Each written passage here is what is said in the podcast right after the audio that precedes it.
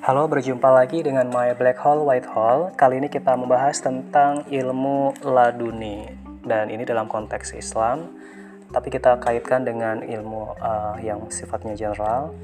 Dan ini adalah salah satu artikel yang saya pilih berdasarkan uh, isinya ya, karena di bagian isi yang saya ambil dari blog di Kompasiana ini cukup uh, komplit dibandingkan beberapa informasi yang lainnya tentang rahasia ilmu laduni. Oke, kita masuk di sini menyingkap rahasia ilmu laduni. Dan di sini rahasia ahli kitab yang mampu memindahkan kursi Ratu Bilqis sebagaimana dikisahkan Al-Quran hingga kini masih merupakan misteri. Menimbulkan tanda tanya besar dan spekulasi tersendiri bagi kalangan umat Islam. Apakah ilmu tersebut hanya dongengan saja ataukah ilmu tersebut masih bertahan hingga kini? Al-Quran pasti tidak mungkin memberatkan jikalau hanya sekedar sebuah dongengan pengantar tidur saja. Pasti ada rahasia yang sangat besar di balik pengungkapan berita tersebut. Apa pun yang diberitakan Al-Quran adalah sebuah kepastian hukum sunatullah yang berlaku dari dahulu, kini hingga nanti. Oke, ini menurut versi muslim ya um, meliputi seluruh peradaban manusia dan alam semesta. Jadi logikanya ilmu tersebut pasti masih ada dalam kesadaran umat manusia hingga kini. Namun siapa yang memiliki ilmu tersebut dan sebenarnya rahasia apa atau hikmah yang diajarkan Allah kepada orang tersebut? Apakah yang dimaksud dengan hikmah dari kitab-kitabnya? Sehingga ketika seseorang telah mampu memahami hikmah dari kitab-kitabnya, orang tersebut akan memiliki kemampuan luar biasa. Bagaimanakah cara menyingkapkannya? Banyak sekali kajian yang mencoba mengungkapkannya dengan segala wahana yang ditawarkan. Kajian ini mencoba memberikan pembanding bagi kajian-kajian lainnya. Memberikan alternatif pemikiran bagaimana seharusnya kita menyikapi berita atau kisah Al-Quran tersebut. Oke, bagian berikutnya kita bahas mengkaji ilmu laduni ya. Banyak sudah kajian yang membahas perihal ilmu laduni ini, ada sebagian orang yang menghubungkan ilmu ini dengan kekuatan gaib, karomah, kesaktian, dan lain sebagainya.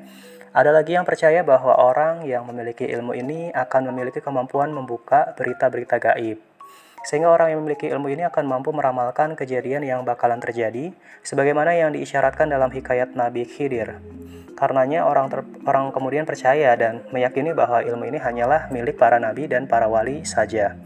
Ilmu laduni telah dipersepsikan, dikonstruksikan sedemikian rupa berkaitan dengan karomah dan lainnya, sehingga jika kemudian ada orang yang mengaku memiliki kemampuan mendekati persepsi ini, maka orang tersebut akan dipuja-puja bagi orang sakti, sebagaimana orang yang dianggap setingkat para wali.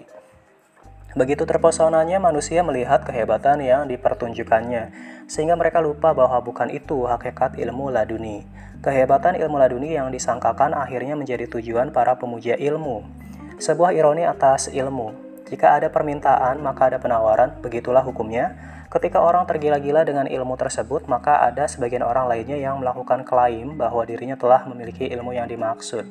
Seperti semut bertemu gula, begitulah keadaannya. Pemilik ilmu kemudian dikerumuni, dipuja, diperlakukan bak raja, titahnya adalah titah sang pendito ratu.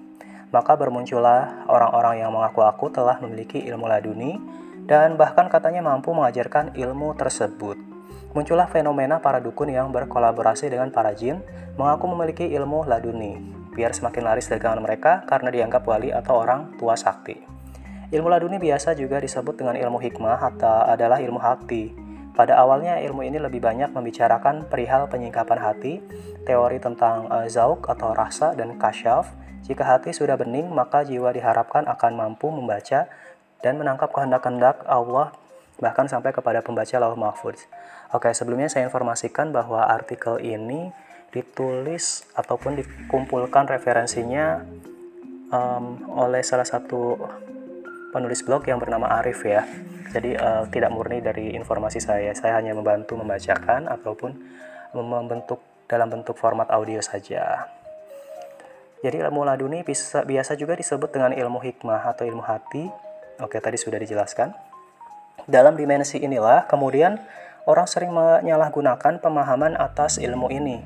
Orang-orang yang tergila-gila ilmu ini mengklaim dirinya telah melihat lauh mahfudz dia mengklaim telah membaca apa yang tersurat ataupun tersirat, mampu menguraikan hikmah kata per kata, bahkan setiap huruf dari Al-Quran. Mampu menguraikan hikmah tiap surah dan ayat yang berhubungan dengan kekayaan, kesaktian, kekuatan, dan lain-lainnya. Setiap surah kemudian diurai menjadi obat bagi siapa saja yang sakit dan membutuhkan bantuan. Pendek kata ayat-ayat Al-Quran dan setiap hurufnya dijadikan komoditi yang dapat dijual belikan sesuai dengan kebutuhan manusianya. Sungguh hal yang menimbulkan bahaya tersendiri bagi, bagi orang yang tidak lurus hatinya. Rasulullah mengingatkan kepada kita agar berhati-hati terhadap orang yang mengaku-ngaku memiliki ilmu hikmah. Berkata Aisyah radhiyallahu anhu bahwa Rasulullah setelah membaca surat Ali Imran ayat 7, jika kamu melihat orang-orang bermujahadah tentang itu dalam hal mencari takwil perihal ayat-ayat mutasyabihat, maka itulah orang-orang yang dimaksud Allah. Orang yang menimbulkan fitnah, maka jauhilah mereka. Ini riwayat Imam Ahmad. Riwayat ini dikuatkan oleh Bukhari, Muslim, dan Ibnu Jarir. Ya banyak sekali ayat yang tidak seharusnya ditakwilkan dan memang akan sulit ditakwilkan sebab banyak dimensinya. Salah satunya adalah berada dalam dimensi rahasa, misal kata cinta, kasih sayang, iksan, takwa, syukur, iman, dan lain-lainnya. Kata tersebut hanya akan mampu dipahami jika kita sudah berada dalam keadaan hal yaitu suasananya. Maka jika seseorang ingin mengetahui bagaimanakah keadaan rasa cinta kepada Allah misalnya, maka orang tersebut harus memasuki dimensi rasa. Jika hanya diuraikan melalui akal dan logika, melalui perbendaharaan kata-kata manusia, maka kita tidak akan mampu mendapatkan keadaan hal atau suasana sebagaimana yang dimaksud oleh kata cinta itu sendiri. Semisal buah jeruk, kita tidak akan mampu mendapatkan referensi utuh perihal jeruk jika kita tidak mendapatkan realitas buah itu sendiri. Jika kita sudah menemukan realitas jeruk, maka karenanya kita pun dengan sendirinya menjadi mampu berada dalam suasana, keadaan, kondisi, hal, siap menerima makna hakikat jeruk selanjutnya yang masuk ke dalam kesadaran kita. Karena kita sudah memiliki referensinya atau realitasnya. Jika kita masuk ke dalam realitas dimensi keadaan, hal suasana hakikat sebagaimana keadaan jeruk itu sendiri, secara bulat, baik dalam realitasnya maupun dalam dimensi rasanya, dan oleh karenanya kita kemudian memiliki pengetahuan tentang hal ihwal perihal buah jeruk tersebut dengan benar dan utuh. Sehingga kita mampu menjadi yakin seyakin-yakinnya tanpa ada ruang yang menyisakan keraguan sedikit pun di dalam dada kita, maka oleh sebab karena keyakinan ini, Jikalau ada pembantah misalnya, meskipun sang pembantah mampu membalikan gunung sekalipun, keyakinannya akan tetap tidak akan tergoyahkan.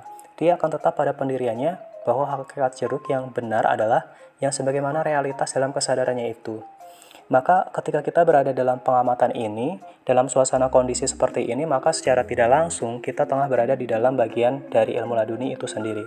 Inilah yang ingin uh, penulis blog itu sampaikan ya hakikat ilmu laduni. Dalam pemahaman uh, penulis, hakikat ilmu laduni sendiri adalah sama saja dengan ilmu-ilmu lainnya. ilmu yang dipelajari melalui pemahaman empiris. Hakikat ilmu laduni menurut penulis adalah ilmu yang akan menghantarkan kepada seseorang kepada keyakinannya. Ilmu yang mampu menyingkapkan hijab hati atas sesuatu, sehingga nampaklah baginya kebenaran itu. Kebenaran itu yang kemudian akan menjelaskan sendiri bagaimana keadaannya. Selanjutnya, jika kebenaran sudah diketahuinya, dengan hak maka muncullah keyakinan utuh, di mana dalam hatinya tidak menyisakan ruang untuk keraguan sedikit pun. Dengan kata lain, ilmu laduni adalah ilmu yang digunakan untuk menambah keyakinan seseorang dari keyakinannya yang ada sebelumnya. Menambah kuat keimanan dari keimanan yang penuh keraguan, sebab kebenaran itu sendiri yang akan berkata kepadanya. Sehingga pada saatnya nanti kesadaran orang tersebut akan sampai kepada atau di posisi kearifan tertinggi sebagai manusia. Sesungguhnya Al-Quran penuh hikmah, jika, uh, jika penulis, jika saja kita mampu menerima dan menetapi keadaan yang dimaksud suatu ayat, maka itu adalah hikmah yang sangat banyak. Sebab dengan pemahaman semisal satu ayat saja, jiwa kita akan mampu tenang, jiwa akan dengan sendirinya tenang dalam menetapi takdir-takdirnya dalam keyakinannya. Ketenangan yang tidak dibuat-buat sebab dirinya diliputi suatu keyakinan bahwa Allah tidaklah menghendaki kesukaran bagi dirinya bahwa Allah adalah zat yang maha pengasih dan maha penyayang. Inilah keyakinan sejati. Karena dia sudah pernah merasakannya, keadaan dalam keyakinan itu, di sinilah uh, ranah ilmu laduni, wilayah rasa atau zauk, penyingkapan daya kasyaf. Menetapi posisi kedudukan dan keadaan jiwa atas hal di dalam hikmah atas makna setiap surah uh, penulis akan sedikit mengulasnya dengan salah satu contoh dan keadaannya sebagai berikut. Misalnya keadaan pada surah Al-Baqarah 185 diinformasikan kepada kita firman Allah ya. Allah menghendaki kemudahan bagimu dan tidak menghendaki kesukaran bagimu. Sekilas kita membaca ayat tersebut sebagai informasi biasa saja.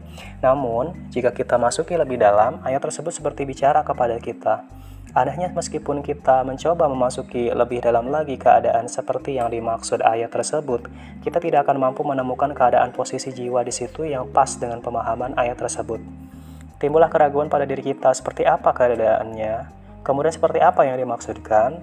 Bukankah kehidupan kita hanyalah mendapati kesukaran demi kesukaran, kesulitan demi kesulitan, hidup tak terbatas tepi, merana terus-menerus sepanjang waktu.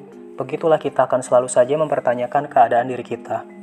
Berikutnya, alih-alih kita mengakui kebenaran ayat tersebut, malahan selanjutnya kita pun akan menganggap remeh bahkan mengabaikan saja ayat ini. Kita malah sekali berpikir akan kebenarannya. Masa bodoh ah, nggak ngerti, ha, lupakan saja, begitulah kita. Keadaan jiwa akan meliar, bertanya, dan memberontak kepada siapa saja dalam dirinya. Kepada apa saja, jiwa akan terus mendebat, jika Allah menghendaki kemudahan bagi saya, kenapa hidup saya susah begini?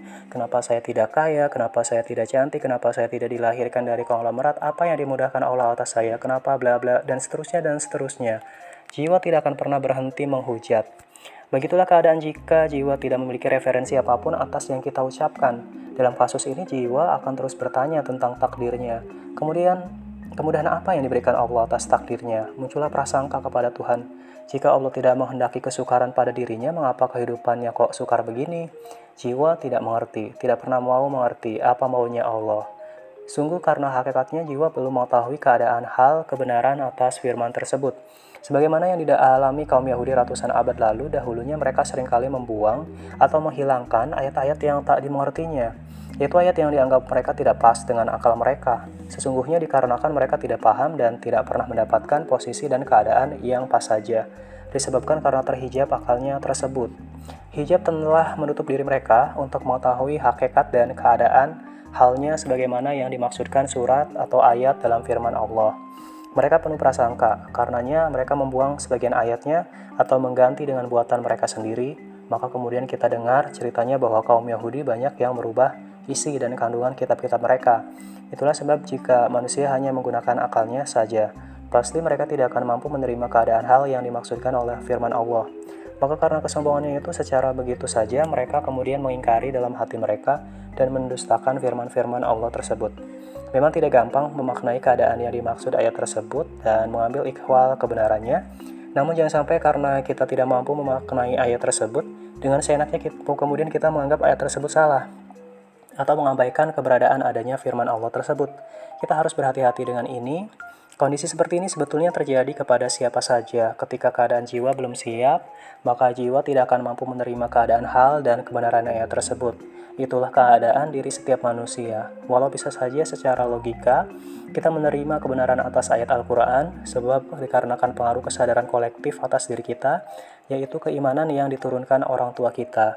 Namun keadaan jiwa nyatanya tidak bisa dipaksa untuk begitu saja mengakui hal ini. Jika jiwa tidak memiliki referensi atas rasa dan keadaan tersebut, maka jiwa akan tetap dalam posisi pengingkaran. Jiwa tidak mampu mengenali keadaan seperti apa yang dimaksudkan, sehingga terjadilah keraguan yang tersembunyi dalam hatinya. Keraguan dalam hati inilah yang sering menimbulkan penyakit maka manusia tidak bisa khusyuk. Keraguan ini harus disingkapkan ya, dibuka lapis demi lapis sampai hati menjadi bening dan mampu menerima keadaan hal dan kebenaran firman Allah yang dimaksudkan tersebut. Mari kita eksplorasi lagi bagaimana posisi keadaan jiwa saat kita mengucapkan sesungguhnya sholatku, ibadahku, hidup dan matiku hanyalah untuk Allah Tuhan semesta alam. Bayangkanlah bagaimana keadaan jiwa yang semestinya, bagaimana rasanya Mampukah kita dalam posisi benar-benar dalam keadaan sebagaimana yang dimaksud oleh ucapan kita itu? Ilmu laduni akan menyingkapkannya untuk kita bagaimana rasa dan keadaan itu, sehingga kita akan mampu menetapi keadaan tersebut dengan sebenar-benarnya, dengan seyakin-yakinnya keyakinan yang utuh. Kalau berkeinginan melakukan eksplorasi berikutnya, cobalah dengan lafaz lainnya Subhanallah, Alhamdulillah, Allahu Akbar, La ilaha illallah, La haula wa la quwata illa billah, Inna lillahi wa inna ilaihi roji'un. Cobalah bagaimana posisi jiwa dalam keadaan hal tersebut.